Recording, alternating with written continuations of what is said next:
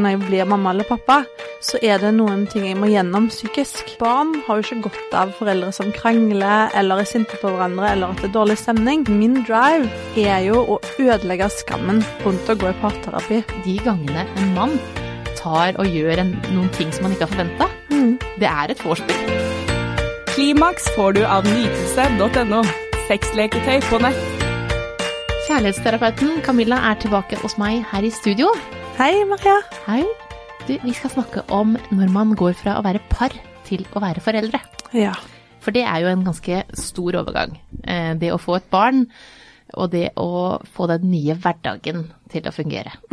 For det er jo en undersøkelse som viser at eh, søt- eh, 67 av eh, par som har vært med i den undersøkelsen her, da, mm. blir ulykkelige i parforholdet i løpet av de første tre leveårene til barnet. Så det er jo ikke noen tvil om at det er en utfordring få barn. Nei, det er virkelig ikke noen eh, tvil. Det er jo John Gottman som har forska på dette her, og han har jo studert over 3000 barnefamilier. Så det er jo viktige tall å, å ta med seg. Ja, absolutt. Eh, For det er jo mange ting som, eh, som dukker opp som man ikke har tenkt på engang når man får barn. Det er eh, det at man ikke får søvn er liksom én ting, og at hvem skal gjøre hva, men det er også eh, åssen skal denne, dette barnet bli oppdratt, og vi er jo forskjellige. Man tenker kanskje at man tenker likt, mm. men så viser det seg etter hvert at man har dratt med seg en del ting fra sin egen barndom, for man møter jo litt sin egen barndom i døra når man får barn. Så hva tenker du om det?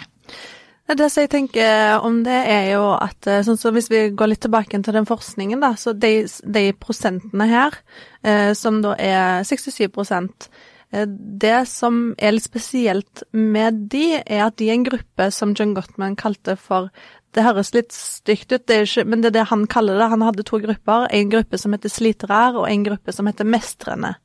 Eh, så det er bare de ordene jeg bruker på grunn av han har satt det som kategori.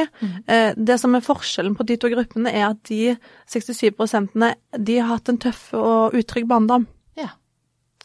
Uh, eh, så, De har dratt med seg den ja, og, og sliter med det nå når de får barn. riktig. Og det snakker ikke så veldig mye om. Eh, når du får barn, så, så får du bare servert dette flotte barnet her, og Som du skal elske. du skal elske, ja. ja. Eh, og, så, og så tenker man kanskje ikke over det at ok, nå har jeg blitt en forelder. Uten at jeg vet det, eller kanskje vet jeg det, så vil nå mine verdier endre seg. Mitt syn på livet vil automatisk endre seg, og min bagasje vil bli mer viktig for meg mer nå enn noen gang. Eh, og jeg snakker med mange småbarnsforeldre som som, som Fordi om de sitter sammen i sofaen, så er de følelsesmessig langt vekke fra hverandre, for de forstår ikke hverandre lenger. Nei. De, de skjønner ikke helt hva som skjer eh, hormonelt og psykisk, men alle må gjennom det samme, ifølge John Gottman. Eh, så vi blir faktisk servert vår historie eh, når vi blir foreldre. Og så er det måten vi håndterer denne serveringen på, som vil eh, gi resultater til hvordan vil samlivet bli mellom oss framover. Og det er jo ganske få som da er de som blir mestrere, som han kaller det. Riktig. Eh, For 67% det er jo nesten alle. Og hva skal man gjøre da? Det som John Gottman gjorde, eh, i samarbeid med Julia, som eh, er hans eh, kone, eh, hun er òg forsker, det var det at de eh, oppretta et samlivskurs for disse eh, 67 prosentene, for å finne ut av eh, hva vil skje med de hvis vi studerer de nye verdiene, eh, jobber litt med kommunikasjonen, fokuserer på godt vennskap og sunt sexliv. Hva vil skje? Og det som forskningen viser, er jo det at 85% av alle sliterne, de opplevde eh, bedre eh, samliv etter dette samlivskurset. Ja. Og det er ganske gode tall. Da er det bare 15% resterende igjen som var misfornøyde. For det hjelper jo å snakke om ting, og det hjelper jo å gå og, og på en måte se hva den andre Prøve å forstå hverandre, for det er jo det som vi mister etter hvert. Og særlig når vi har Vi er jo to individer som har forskjellig oppvekst. Og sånn at man skal Det skal jo noe til at vi tenker likt om det å oppdra barn også. De færreste tenker jo likt, eh, så, så, så, vi må jo finne ut av hvordan skal vi klare å være gode foreldre sammen samtidig som vi er kjærester og pleier forholdet. Mm. Og, og, om du vil eller ikke, så har dere ulikt syn på noe, mm. eh, og de færreste er enige. Så, så, det som skjer da når du blir en ny mamma eller en ny pappa, er OK, du må jo tenke litt over barndommen og tenke hva vil jeg ha med meg videre? Mm. Hva vil jeg ikke ha med meg videre? Hva, hva er det jeg sitter igjen med som jeg vil servere mine barn? Og så er det ikke sikkert at partneren din er enig. Nei. Og det kan jeg jo tro at det, det ofte ikke er. Ja. Eh, og så er det jo det at man eh, Kanskje noen har En av partene har traumer fra barndommen, mm. eller en har ikke opplevd noe spesielt i det hele tatt, så har egentlig ikke noe mm. spesielt forhold til det. Har ikke tenkt så mye over barndommen sin i det hele tatt. Så vi er jo mm. så veldig ulike i bakgrunnen vår. Mm. Så det er jo nesten sånn at man burde vært gjennom en sånn slags matchgreie før man fikk ja. barn, for at det, det, skal jo noe til. Det skal, skal veldig mye til, og, og, og, beklageligvis så er det ikke som det ikke, Man snakker ikke om dette på helsestasjonen. Eh, når du har født ditt første barn, så kommer det en, en jordmor på besøk hjem til deg. Nå vet jeg ikke om det gjør det nå i koronatider, men i hvert fall før korona så gjorde det det. Mm. Og så, så får du noen spørsmål. Um, skjedde det noe spesielt med deg uh, i barndommen din? Uh, har du noen traumer? Hvordan var ditt forhold til dine søsken? Hvordan var foreldrene dine? Mm. Disse spørsmålene får du i fanget uh, etter du har født ditt første barn. Ja. Og du forstår kanskje ikke helt hvorfor de spør om det, og de, de bare serverer det til deg når du sitter der og er helt utslitt etter en fødsel, f.eks. Ja, du er jo eh, litt sånn tumlete når de stiller ja. de spørsmålene her. Sånn at det er, det, hva de sier og hva du svarer, ja. det er nesten ikke så lett å huske engang. Nei, og så kan man jo tenke hvorfor spurte de om det? De sier jo ikke det. Nei. Så dette må man jo ta i forkant, mm. eh, før. Dette bør jo opplyses om, eh, sånn at du vet at ok, når jeg blir mamma eller pappa, så er det noen ting jeg må gjennom psykisk. Mm. Og det er det jo, virkelig. Mm. Eh, men det kan jo være lurt å ha på en måte nesten gått til parterapi før mm. man får barn. Ja. Altså, mens alt er bra, og før ja. man er i den situasjonen at det er jo en utfordring, og noen barn er mer utfordring enn andre. Det kan være mm. kolikk, det kan være andre ting som gjør at det, det blir ekstra påkjenning for forholdet, da, og det ikke mm. blir det der samlivet og sexlivet som man hadde tidligere. Mm. Sånn at man eh, bør kanskje ta steget og få hjelp litt tidlig. Ja, det er jeg helt enig i, Maria. Det, det syns jeg høres veldig lurt ut. Og jeg prøver å oppfordre henne til det. Jeg har jo småbarnsforeldre eh, som kommer til meg, men det, de færreste kommer når de er gravide eller når de planlegger barn. Ja, og jeg tenker at de færreste kommer tidlig nok, for de mm. kommer når det har gått for lang tid. Ja. Eh, og det er jo litt fort gjort at man tenker at nei, det går greit litt til. Og så mm. glemmer man det at man kan kanskje løst en ting som blir en veldig stor konflikt etter hvert, kunne man mm. løst veldig tidlig. Ja. Eh, så det er jo mange par som går til parterapi selv om det ikke er noe spesielt som er galt, men mm. altså utfordringer har vi jo hele tiden. Ja, man har det. det, det sånn er livet. Ja. Altså, om det er samliv, om det er jobb, om det er vennskap, om det er Uansett hva det er, så går det opp og ned. Mm. Og da må man jo forebygge. Man forebygger jo helsen. Man går jo til tannlegen for å sjekke om man har fått hull. Mm. Man går til frisøren for å klippe slitte tupper. Mm. Eh, og det å ta en parsjekk, da, eh, innimellom Det blir slitte tupper der òg. Det blir det. det det. og det, jo, det koster, eh, koster, samfunnet og, og, og, livet mye eh, ved å ikke gjøre det. Så, så, bare det å gå i parterapi og bare avdekke noen ting. Hva er egentlig mine behov? Hva er mine verdier? Hva skal knytte oss sammen? Mm. Men er det litt sånn nedtur å være den som eh, Tror du man føler litt på det at vi går til parterapi, at det er litt sånn åh, nedtur? Ja, altså jeg eh, jobber jo gjennom Kjærlighetsterapeuten og eh, er jo litt mye i mediene nå på grunn av at min drive er jo å ødelegge skammen rundt å gå i parterapi. Mm. Eh, det er egentlig mitt mål. Yeah. Eh, skilsmissestatistikken i fjor var 48% og det er jo normalt å være fra hverandre. Mm. Og det skal ikke være noe skam. Sånn skjer. Livet skjer. Mm. Eh, men jeg tenker det at bare det å, å eh, siden du sjekker tennene dine, da, hvorfor ikke ta en par sjekk? Bare ja. sjekke litt opp i hvordan ligger vi an. Er du egentlig lykkelig, eller lever du i ditt eget hode og, og går gjennom en følelsesmessig prosess der du kanskje legger opp Eh, til brudd, da. Ja, og så er det jo eh, Det som er fint da, med å gå til parterapeut, mm. er jo at man lærer å kommunisere. Mm. Og om man da velger å gå fra hverandre, mm. så er det faktisk mange som også fortsetter å gå i parterapi selv om de har gått fra hverandre. Det har vært jeg hørt flere som gjør. Og for å få den gode kommunikasjonen rundt f.eks. da barn, at man skal hvis man, ikke, hvis man ikke har barn, så er det jo ikke så mye grunn for å gå i parterapi for å beholde eh, da kan man bare være venner, men hvis man har noe man må kommunisere om, som Ja. f.eks. barn, så er det veldig fint at man hjelp, får litt hjelp fra noen som er utenfor, og som ikke er sånn følelsesmessig tilknytta, sånn at man For det blir jo mye sånn Det skal så lite til, da, mellom hverandre eh, når det også er slutt, da. Ja, for det er jo noe som trigger, som har trigga til at man, man er kommet til det punktet. Gjerne masse småhull eller en stor krise, eller at man er følelsesmessig på to forskjellige steder. Eh, Og, og det som trigger deg, vil gjøre det vanskelig å håndtere situasjonen, som gjør at det er vanskelig å kommunisere konstruktivt. konstruktivt. Og en parterapeut kan jo da finne ut hva potensial er det som sitter foran meg her. Eh, Er det bedre brudd, eller er det bedre parforhold?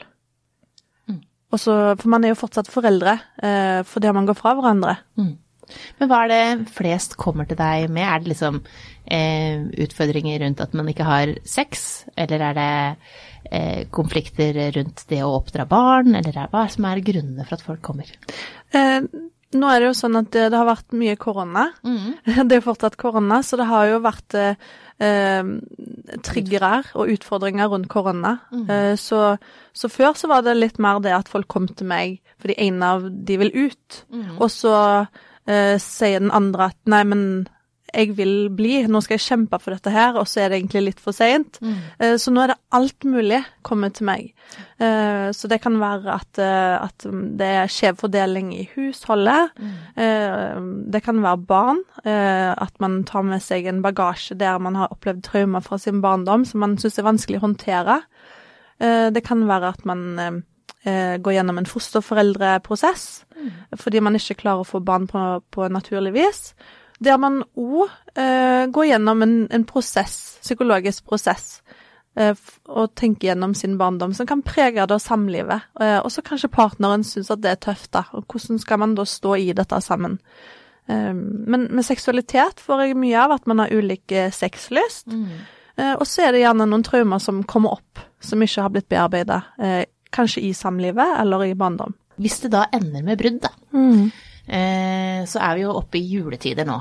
Ja. Eh, og jeg vet jo at det anbefales liksom, Hvis man skal eh, gå til altså Enten om det er deg eller til andre terapeuter, så er det jo ofte anbefalt å liksom ikke gjøre sånne her ting helt opp i jula. Hvis det ikke er en helt eh, krise at det ikke går å være sammen. Ja. Eh, bør man holde sammen i juletider nå, og heller vente til over nyttår, eller bør man, hva bør man gjøre? Altså, det er jo lettere sagt enn gjort å bare si til to foreldre. Eh, bare holde ut. Eh, vent til jul. Man må jo kartlegge noen ting her, og så må jo man sammen tenke hvordan skal vi klare å håndtere dette her først? Fordi barn har jo ikke godt av foreldre som krangler eller er sinte på hverandre, eller at det er dårlig stemning. Så jeg tenker før man tar det valget, snakk sammen og finn ut av ok, hva skal vi gjøre for at vi skal ha det godt sammen, så godt som overhodet mulig, sånn at ungene får en fin jul sammen med sine foreldre. Jeg tenker det er starten. Fordi barn, de vil jo huske julen sånn som de får den servert. Eh, og- sånn er det med alle høytider. Og jeg snakker jo med, med voksne mennesker som, som ikke liker høytider, av kanskje at det har oppstått noe trist i forbindelse med foreldrene, eller kanskje bestefaren døde rett rundt juletider, eller sånne ting kan man jo ikke Eller forutse. alkohol som Alkoholmisbruk, riktig, sånne forskjellige ting.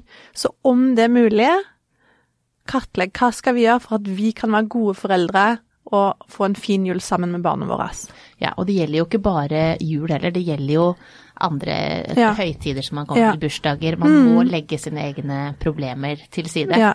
Og tenke at uh, for barna sin del, men ikke for barna sin del for enhver pris, for barn tåler jo også uh, en del ting. ja, men, de tåler mer enn det vi tror. ja, så man, man må jo kanskje mm, se an situasjonen litt og se hva, hva er det vi er i, og eh, fungerer dette bra, er vi gode venner, eller er dette her en, en krig? Hvis det er en, ja. en, en sånn helt stille krig som alle vil kjenne allikevel, så er det jo bedre å feire f.eks. jul eller bursdager fra hverandre. I hvert fall en periode, da. Ja, og så ifølge boken er fortsatt foreldre, eh, som er en veldig viktig bok, eh, så finnes det ikke noen forskning på hvordan barn får det eh, etter foreldrene har gått fra hverandre. Fordi vi er ikke det er ikke gått mange nok år til å ha god forskning på det, men det finnes forskning på hvordan barn har det eh, hvis foreldrene ikke har det godt sammen. Mm.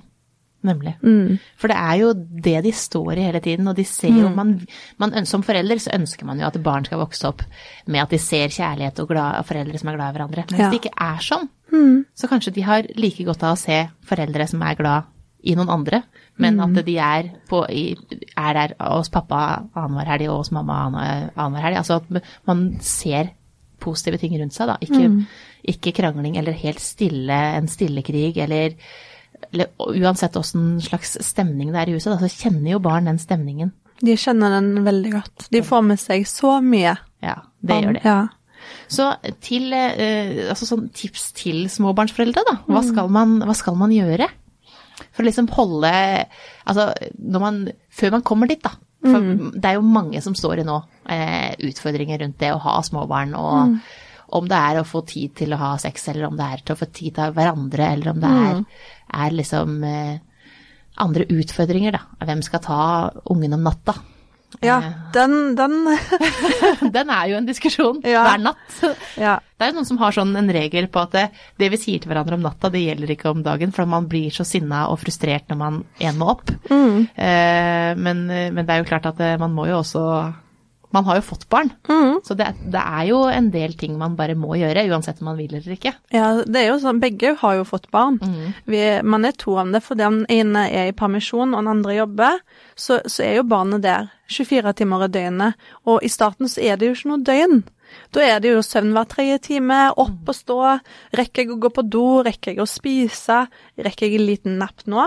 Så det, det handler jo mest om primærbehov i starten, så det viktige er at man innser at vi er to om dette her. For det om du kanskje jobber syv og en halv time, og den andre personen er i, i barselspermisjon, så er man to om at man er foreldre.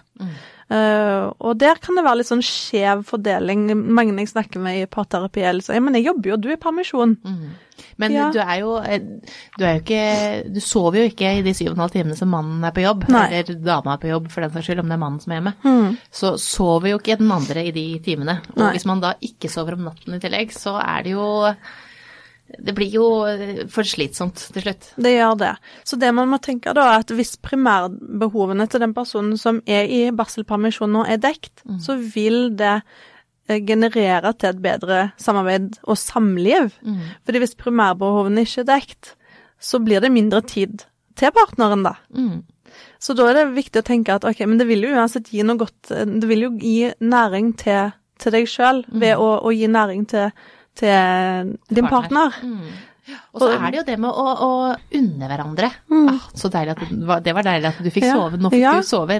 Vet du hva, nå tar jeg og triller en tur, og så kan du slappe av. Akkurat det du sier der, er jo positivt forspill. Ja, det er jo det. Ja. Altså, man må huske, altså, det er litt vanskelig når du akkurat står i det og tenker det.